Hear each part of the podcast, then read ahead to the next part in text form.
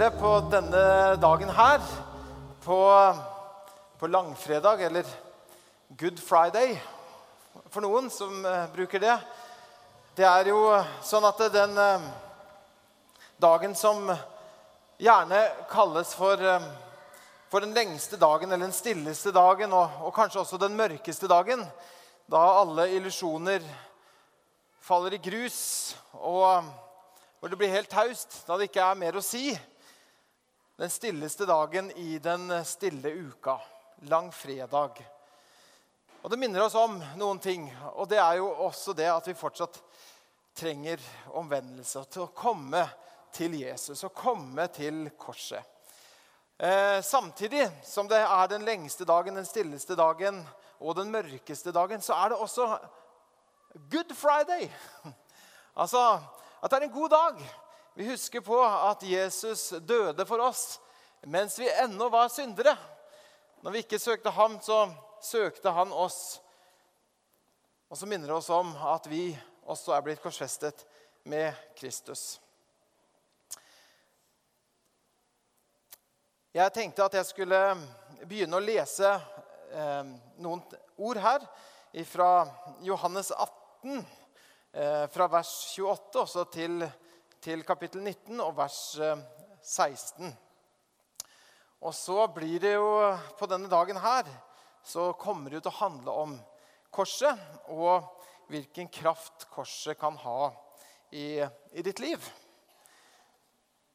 Så jeg har lyst til å først begynne å, å lese her fra Johannes, som tar for seg begivenhetene.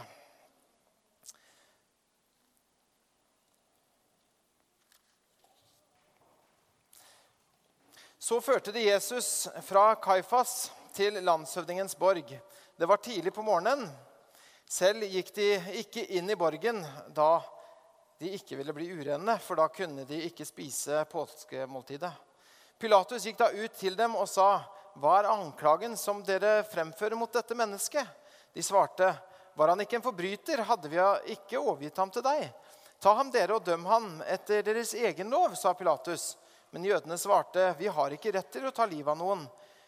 Slik skulle ordet bli oppfylt, som Jesus hadde sagt, da han ga til kjenne hva slags død han skulle lide. Pilatus gikk da inn i borgen igjen, kalte Jesus til seg og sa, 'Er du jødenes konge?' Jesus svarte ham, 'Sier du dette av deg selv, eller har andre sagt det om meg. Er vel jeg jøde, sa Pilatus. Ditt eget folk og overprestene har overgitt deg til meg. Hva er det du har gjort? Jesus svarte, min kongsmakt er ikke av denne verden. Var min kongsmakt av denne verden, ville mine menn kjempet for at det ikke skulle bli overgitt til jødene. Men min kongsmakt er ikke herfra. Du er altså konge, sa Pilatus. Du sier at jeg er konge, svarte Jesus.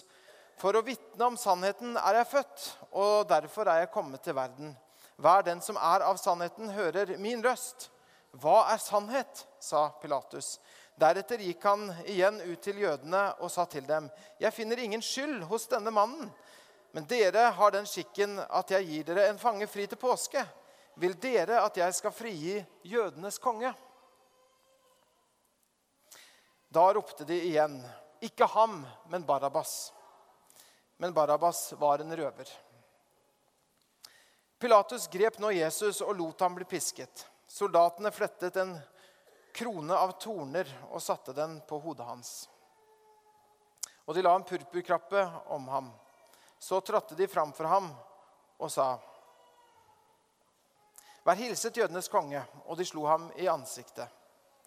Pilatus gikk igjen ut av borgen og sa til jødene, Jeg fører ham nå ut til dere for at dere skal forstå at jeg ikke finner noen skyld hos ham.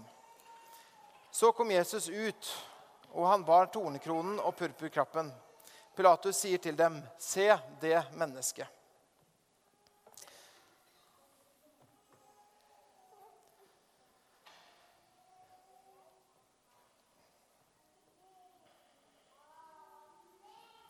Men da overprestene og vaktmennene fikk se ham, ropte de, 'Korsfest! Korsfest!' Pilatus sa, 'Korsfest ham dere, jeg finner ingen skyld hos ham.' Jødene svarte, 'Vi har en lov, og etter loven er han skyldig til å dø.' fordi han har gjort seg, skyldig, til, gjort seg selv til Guds sønn. Da Pilatus hørte dette, ble han enda reddere. Han gikk inn i borgen igjen og sa til Jesus, 'Hvor er du fra?' Men Jesus ga ham ikke noe svar. 'Svarer du meg ikke?' sa Pilatus. 'Vet du ikke at jeg har makt til både å gi deg fri og til å korsfeste deg?' Jesus svarte, 'Du hadde ingen makt over meg dersom det ikke var gitt deg ovenfra.' Derfor har han som har utlevert meg til deg, større skyld. Etter dette ville Pilatus gi ham fri, men jødene ropte, 'Gir du ham fri, er du ikke keiserens venn.' Den som gjør seg selv til konge, setter seg opp mot keiseren. Da Pilatus hørte dette, førte han Jesus ut av borgen og satte seg i dommersetet, som sto på et sted som heter Helleplassen, på hebraisk Gabata. Det var helgeaften før påske, omkring den sjette time. Pilatus sier da til jødene.: Se, her er kongen deres. Men de ropte, bort med ham, bort med ham, korsfest ham. Skal jeg korsfeste kongen deres? spurte Pilatus. Vi har ingen annen konge enn keiseren, sa overprestene. Da overga han Jesus til dem for at han skulle korsfestes. Skal vi ta oss og be litt sammen? Far i himmelen, vi takker deg for eh, at du ga din sønn for oss. Takker deg for den evige kjærligheten som du har, har vist oss. Vi takker deg, Jesus, at du var villig å gå i døden for oss. At du ble både et sonoffer, at du ble et, en løsepenge. At du frikjøpte oss til frihet og til fellesskap med deg. Jesus, vi ber at uh, dette ordet om korset Jesus skal få bli nytt og skal få bli levende og få være virksomt i vårt liv, Jesus. Amen. Amen.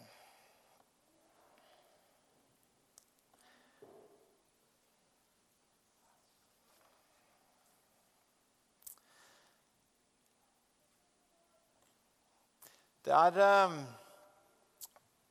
sånn for min del så, så, var det sånn at jeg gikk, gikk ganske lenge i, i, kirken.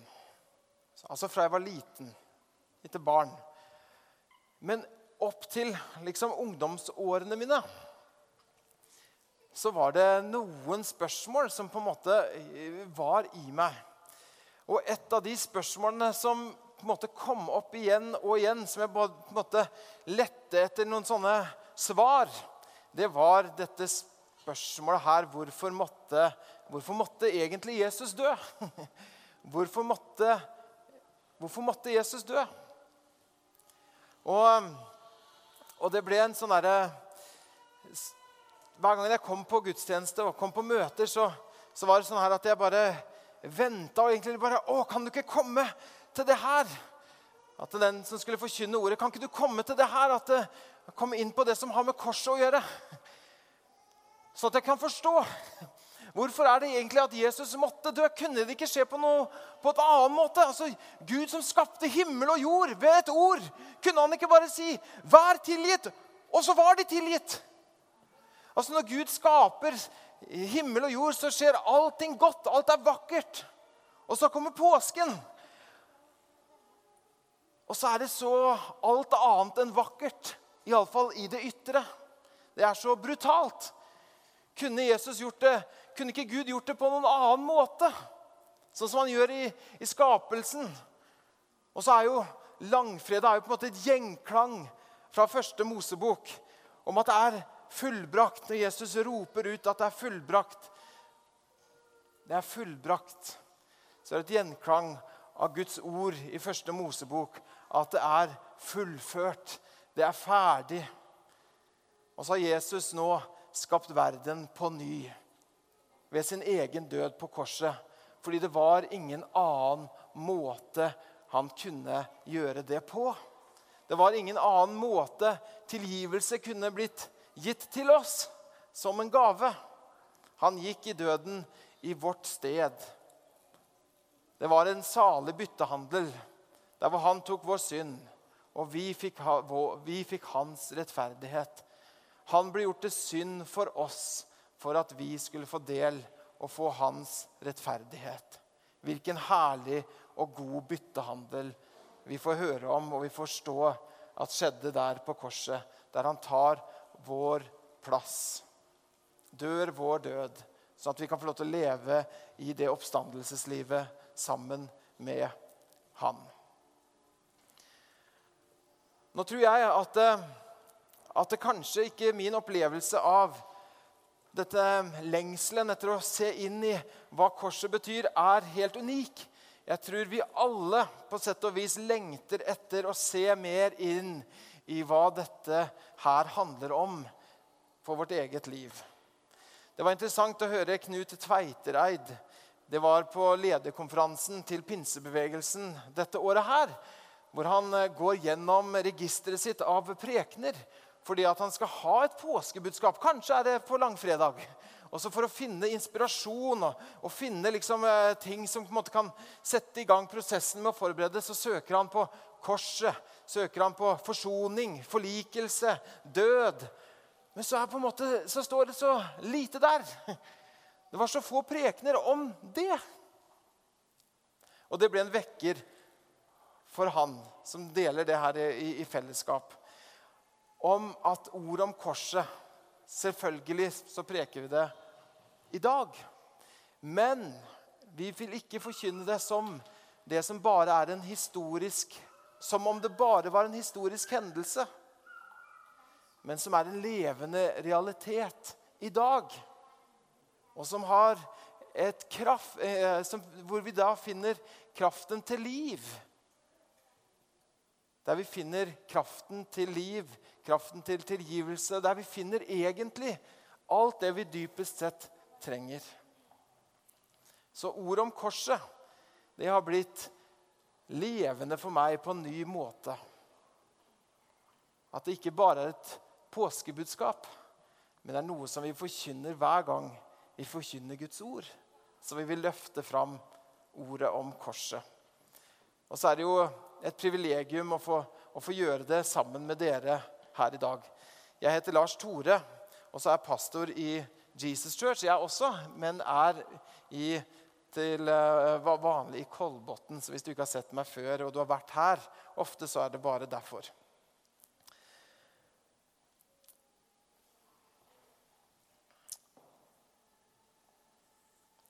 Dette her sier meg at vi kan, uh, vi kan leve et betydningsfullt liv uten å kunne så mye om absolutt alt. Men vi trenger å vite noe som virkelig betyr noe i livet, og være villige å gi oss selv for det.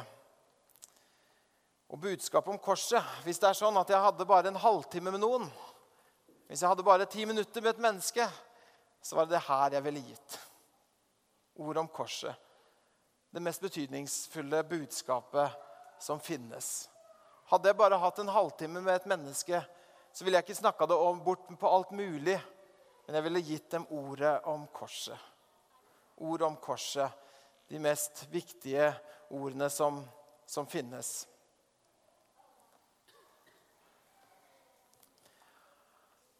En som satsa livet sitt fullt og helt på det her, det var apostelen Paulus.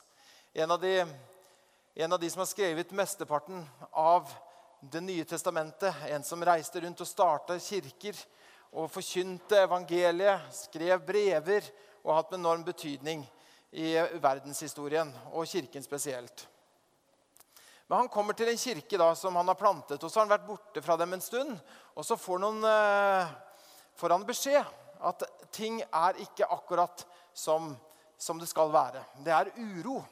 Det er splid, og det er, det er liksom ikke helt sånn det skal være. Med andre ord, det har vært noen som har beveget seg bort fra det sentrale om ordet om korset og, henvend, og, og brukt tid på helt andre, andre, ting. Og Vi leser om det her i 1. Korinterbrev, kapittel 1.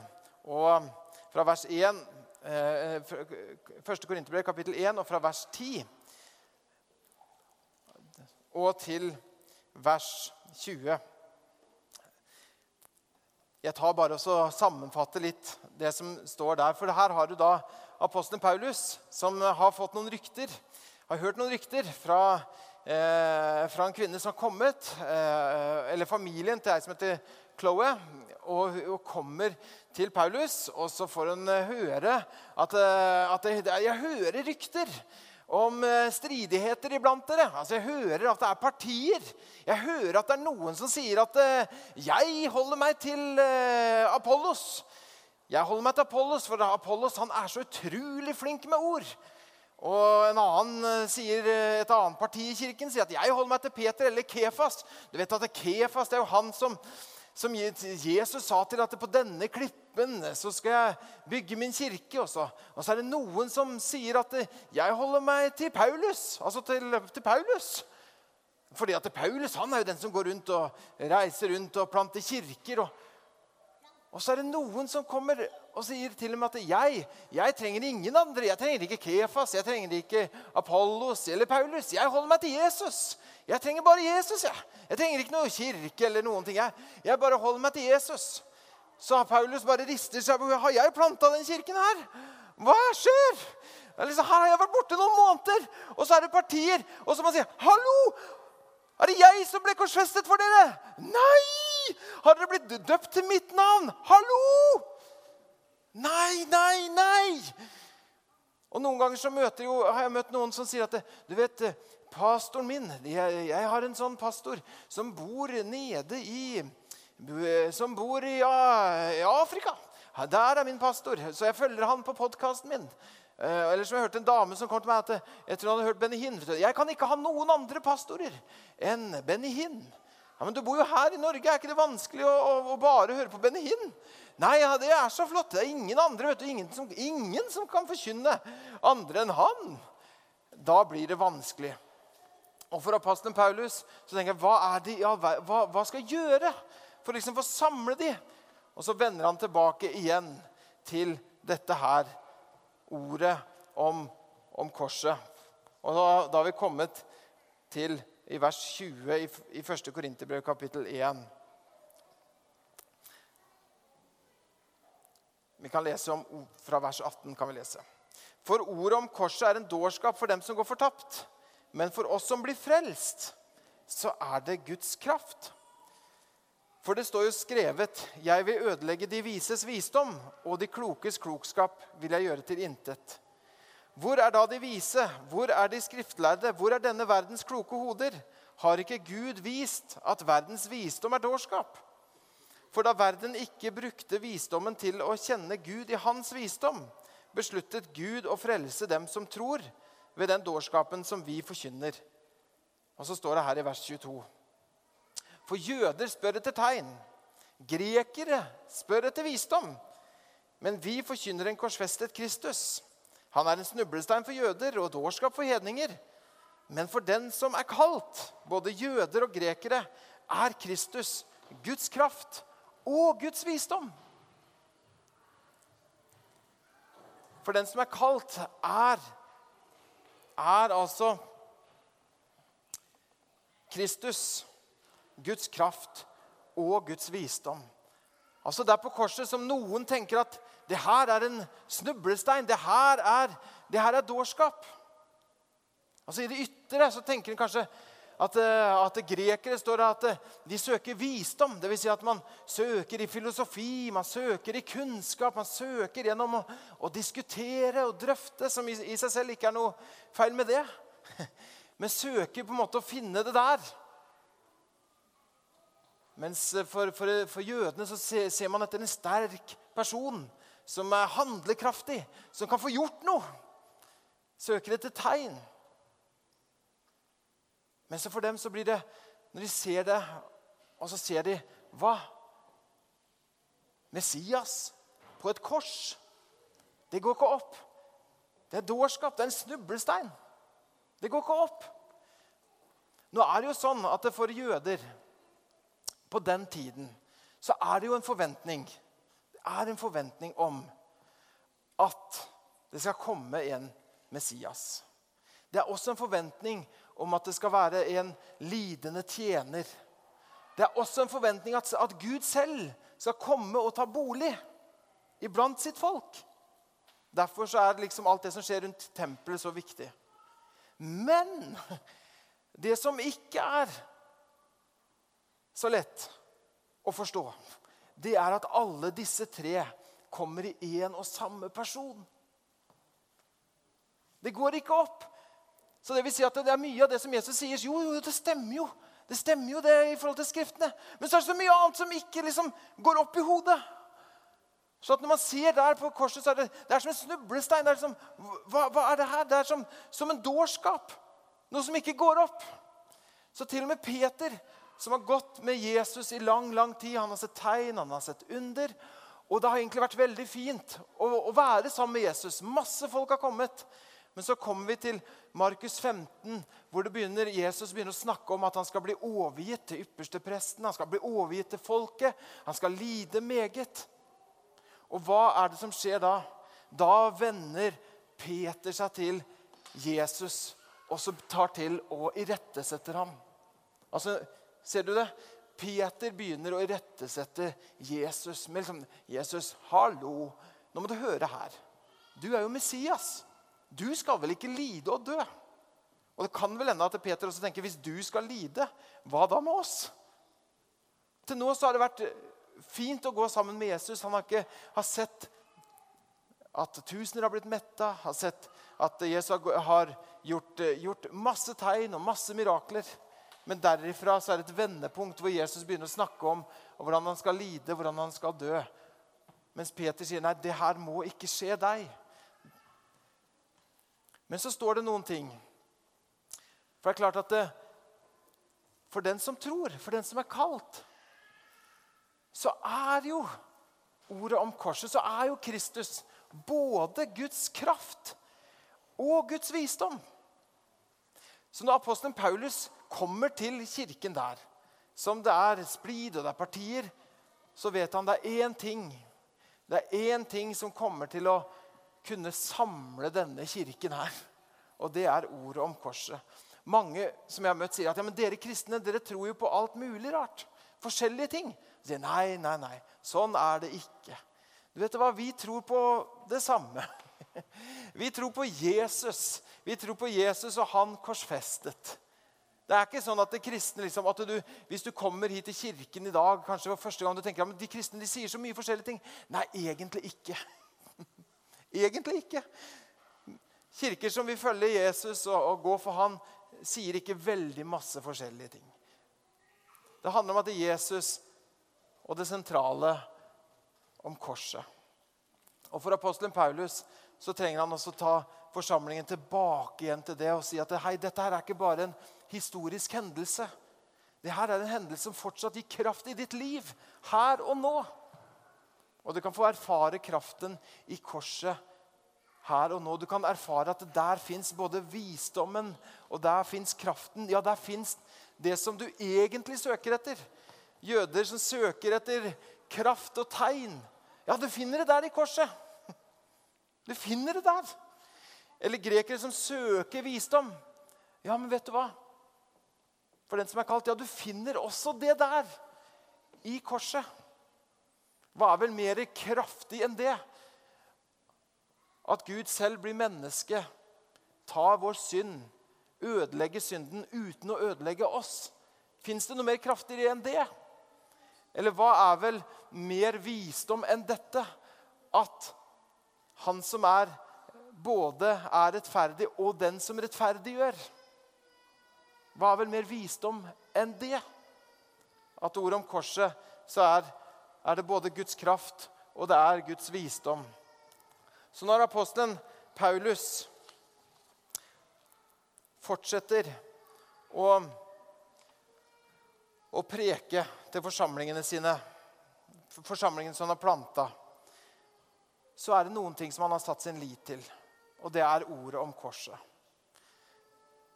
For eksempel så leser vi 2. Korinterbrev kapittel 2 og fra vers,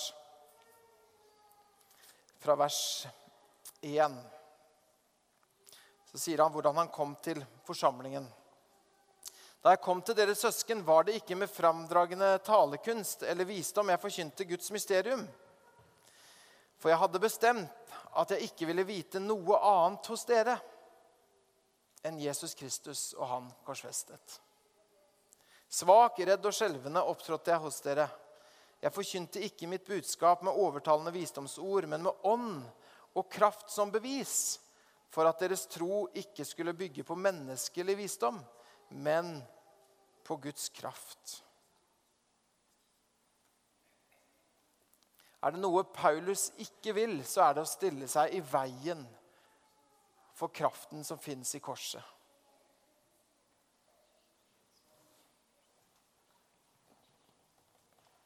For det er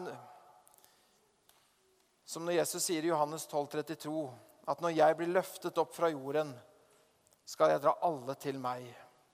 Dette sa han for å gi til kjenne hva slags død han skulle lide. Det er det som drar mennesker til han, ordet om korset. Når Jesus blir løftet opp fra jorden, så her snakkes det jo her om Og det er jo for så vidt sant også når det gjelder lovsang eller andre måter vi ærer Gud på. Men mest av alt så står det i den sammenhengen her hvilken død Jesus skulle lide. lide. Noen ganger så For en tid tilbake så når jeg kom til kirker og jeg så Jesus hengende på et kors, så tenker jeg skal man ha Jesus hengende der på korset? Han har jo stått opp igjen. Og det er, sant, det er jo sant at Jesus har stått opp igjen. Samtidig så er det noe også å huske på det. At det hadde, vært, hadde ikke vært noen oppstandelse om Jesus ikke gikk i, i døden for oss. Og for dette er jeg kommet, sier Jesus. For dette er jeg kommet. For hva da? Jo, ifølge Markus 10, 45, å gi meg selv som en løsepenge. Kom, for dette er jeg kommet ikke for å tjene, ikke for å la seg tjene, men for selv å tjene og gi sitt liv som løsepenge for mange. Han har kommet for å gi sitt liv som løsepenge for mange. Det er kommet en som har kjøpt deg og meg fri. En løsepenge er jo noen som At du blir kjøpt fri fra noe. Om du er en krigsfange, så kan noen betale en sum, og så blir du kjøpt fri. Eller noen kjøper deg, og så og så fra gammelt av at man kunne kjøpe med en løsepenge, så ble man slaven deres. Altså blir den til deres eiendom. Men Jesus kommer som en løsepenge, og så kjøper han deg og meg fri. Kjøper deg og meg fri. Til frihet har han frikjøpt oss. Stå derfor fast. Han har kjøpt oss fri. Han har Kjøpt oss fri. Kjøpt oss fri. Han ble en løsepenge for deg og for meg. Andre kunne liksom komme og gi, betalt med en sum penger, men Jesus kommer og sier, 'Villig gir jeg mitt liv'. Det er ingen som tar Jesus sitt liv. Pilatus tenker at han har makt. Diskuterer der med 'Er du konge', eller du sier at du er konge, hvem er du? Og, på en måte stiller, stiller eh, Jesus alle disse spørsmålene. Og så tenker han der at 'jeg har jo makt til å gi deg fri'. Nei, nei, nei. Du hadde ingen makt over meg om det ikke var gitt deg ovenfra. Det er jo Jesus som er den samme kongen. Det er jo han, Jesus, som skal dømme Pilatus. Ikke motsatt. Ikke motsatt. Rollene bare er skifta for, for, en liten tid. Og sånn er det. Det er noen ting som er på en måte for en liten tid. Og korset viser oss nettopp det. Død, smerte, urettferdighet. Det er for en liten tid. Og det kommer til å gå bra. Det kommer til å gå bra til slutt. Det kom en som jeg hørte, og, og, og fortalte litt om, om, hvordan, om hvordan helter i andre religioner eller andre sånne store epos ikke sant? Så blir heltene framstilt, og, og, de dør gjerne en sånn veldig heltefull død. Og så sier han Vet du, dette med kristentroen, den må jo være sann. For det er jo ingen andre helter som dør på den måten. Ja, hva tenker du på? Jo, en som roper ut 'Min Gud, min Gud, hvorfor har du forlatt meg?' Hva slags helt er det? Jo, det er en, det er en sann helt. Men for han så ble det et vitnesbyrd om at dette er jo sant. Denne historien er sant. Denne historien er sann. Disse ordene som Jesus roper ut på arameisk, og som akkurat som Markus bare lar de komme også til deg og til meg. Jesu rop, 'Min Gud, min Gud, hvorfor har du forlatt meg?' Og Det her er ikke et retorisk spørsmål. Dette er et spørsmål som har et svar. Min Gud, min Gud, hvorfor har du forlatt meg? Tenk på det, at gjennom alle tider så har det vært sånn i forhold til Om du leser Lise bibelteksten, så er det sånn at det, om vi holder oss nær til Han, så holder Han seg nær til oss.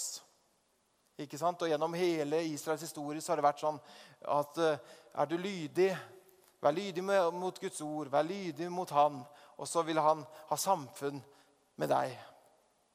Men Jesus er den eneste som er lydig. Han er lydig til inntil døden.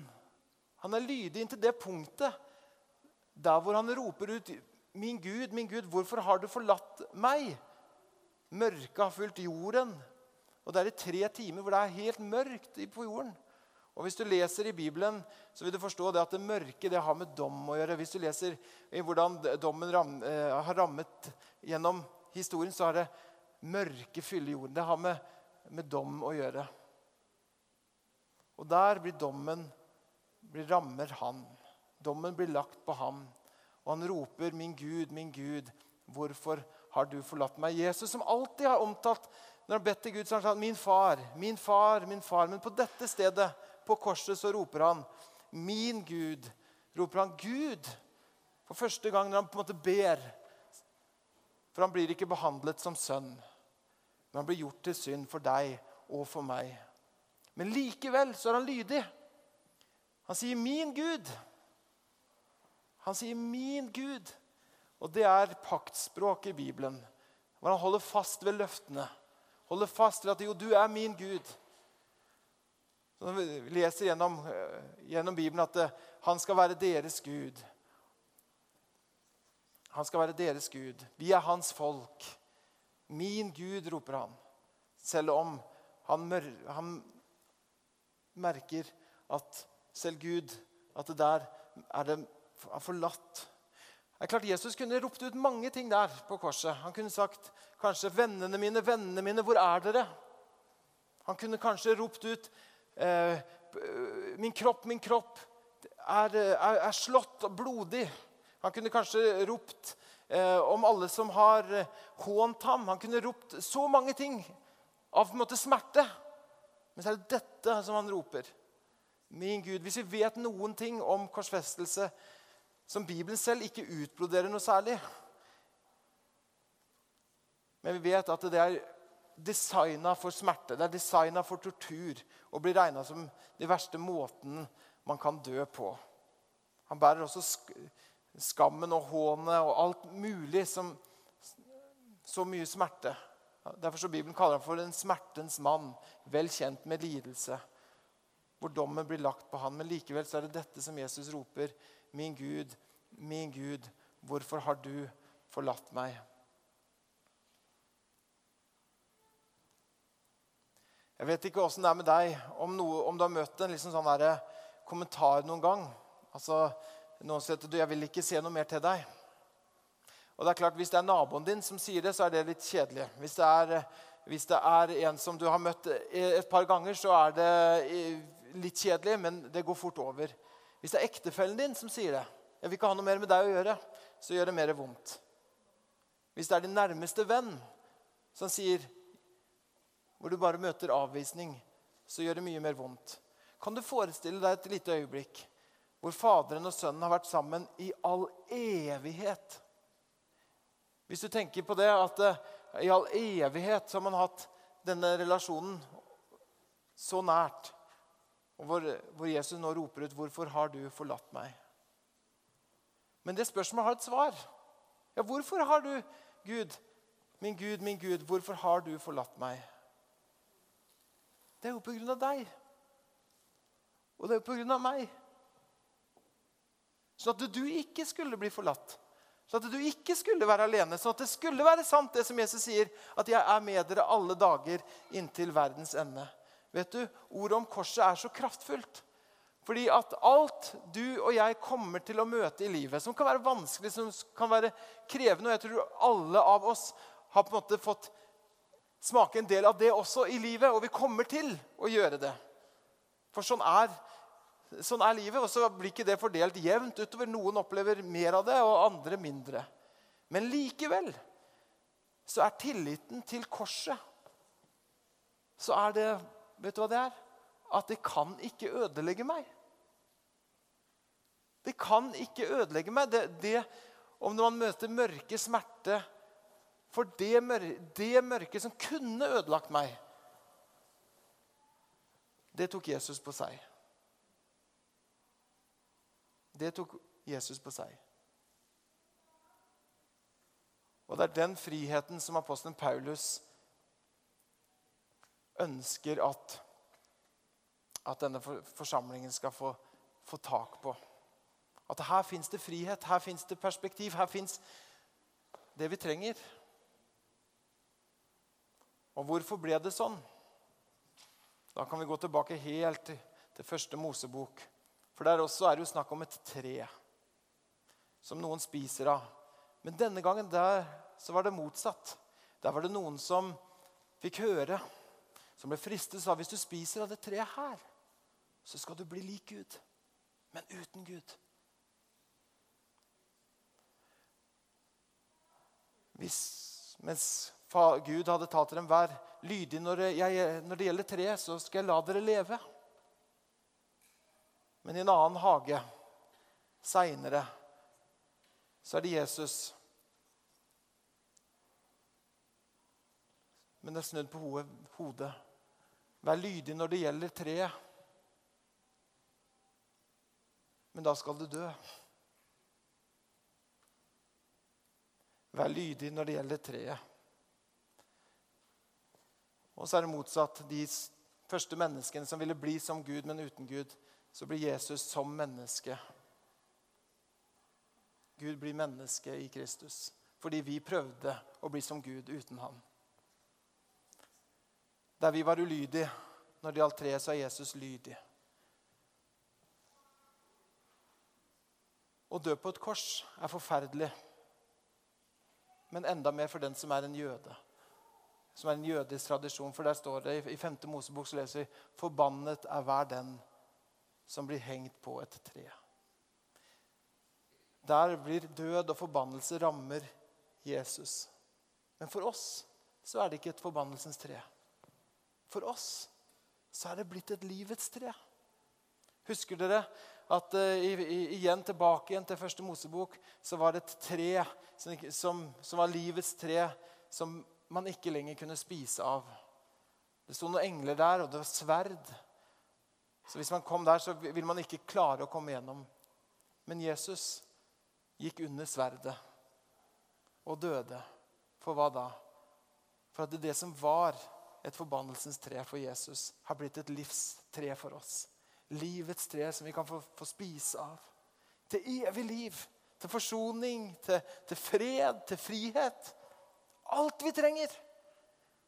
For oss så er ordet om korset det er visdom fra Gud. Det er Guds kraft. Han som for oss er blitt alt det som vi trenger. Vår rettferdighet, vår forløsning, vår forsoning, vår fred. Ord om korset. Fantastisk. Men det kostet Jesus alt. Når Paulus skriver om hvordan hans liv er Så sier han noe som som jeg syns er veldig spesielt. Du vet, Apostelen Paulus har mye han kunne altså Menneskelig sett og mye han kunne rost seg, kunne rost seg for. Han har skrevet eh, masse brev i Bibelen, han har planta menigheter, han har gjort veldig mye. Men så er det én ting når han liksom skal måte, snakke om sitt liv. Så det er noen ting som på en måte, igjen vender tilbake igjen til ikke bare i forkynnelsen, men hvordan han på en måte ser sitt eget liv. Og I Galaterbrevet kapittel 6 og vers 14 så står det her Men jeg vil aldri være stolt av noe annet enn vår Herre Jesu Kristi kors. Ved det ved det er verden blitt korsfestet for meg, og jeg for verden. Ved det er verden blitt korsfestet for meg, og jeg for verden.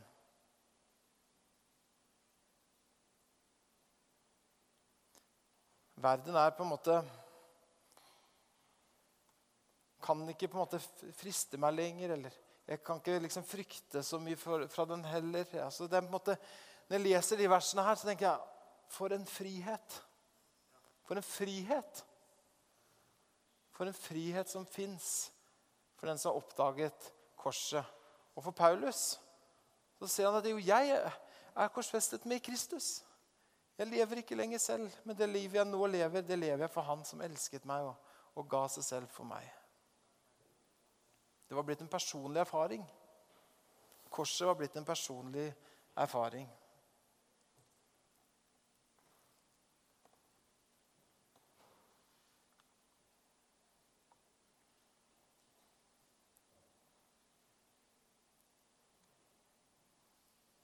Jeg vet ikke om du har sett på noen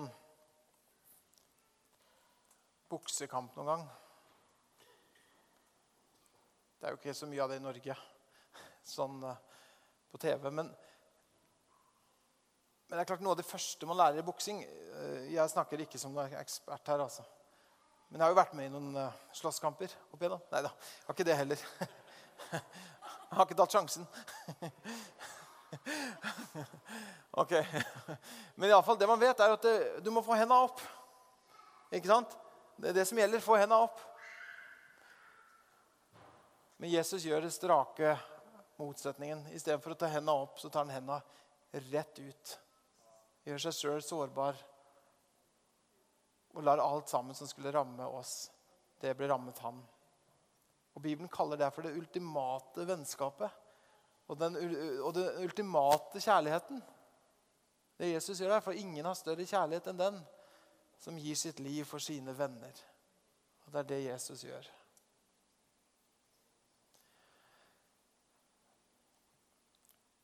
I dag så har jeg lyst til å bare oppmuntre deg til slutt.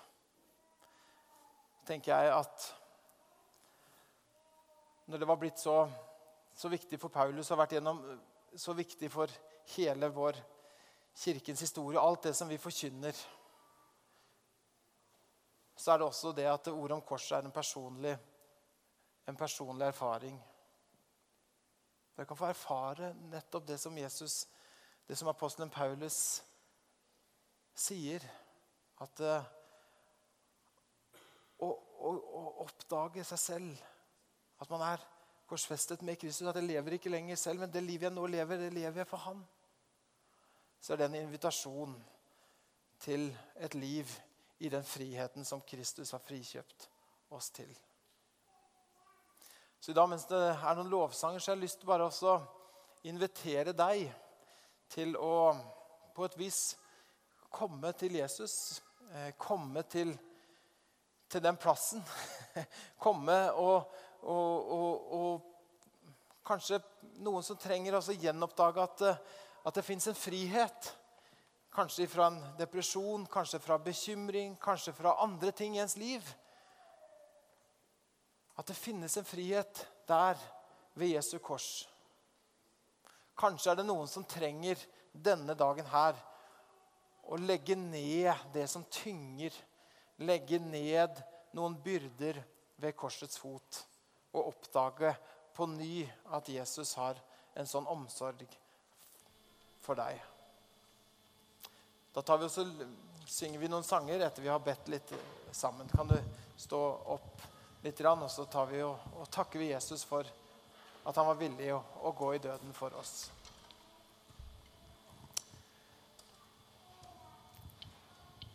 Herre Jesus, vi takker deg for, for ditt dyrebare kors. Takk, Jesus, at du var villig til å gå i døden for oss. Takk at det i korset så fins din kraft tilgjengelig, Jesus. Vi takker at det Pga. ditt kors så fins velsignelsene tilgjengelig, Herre.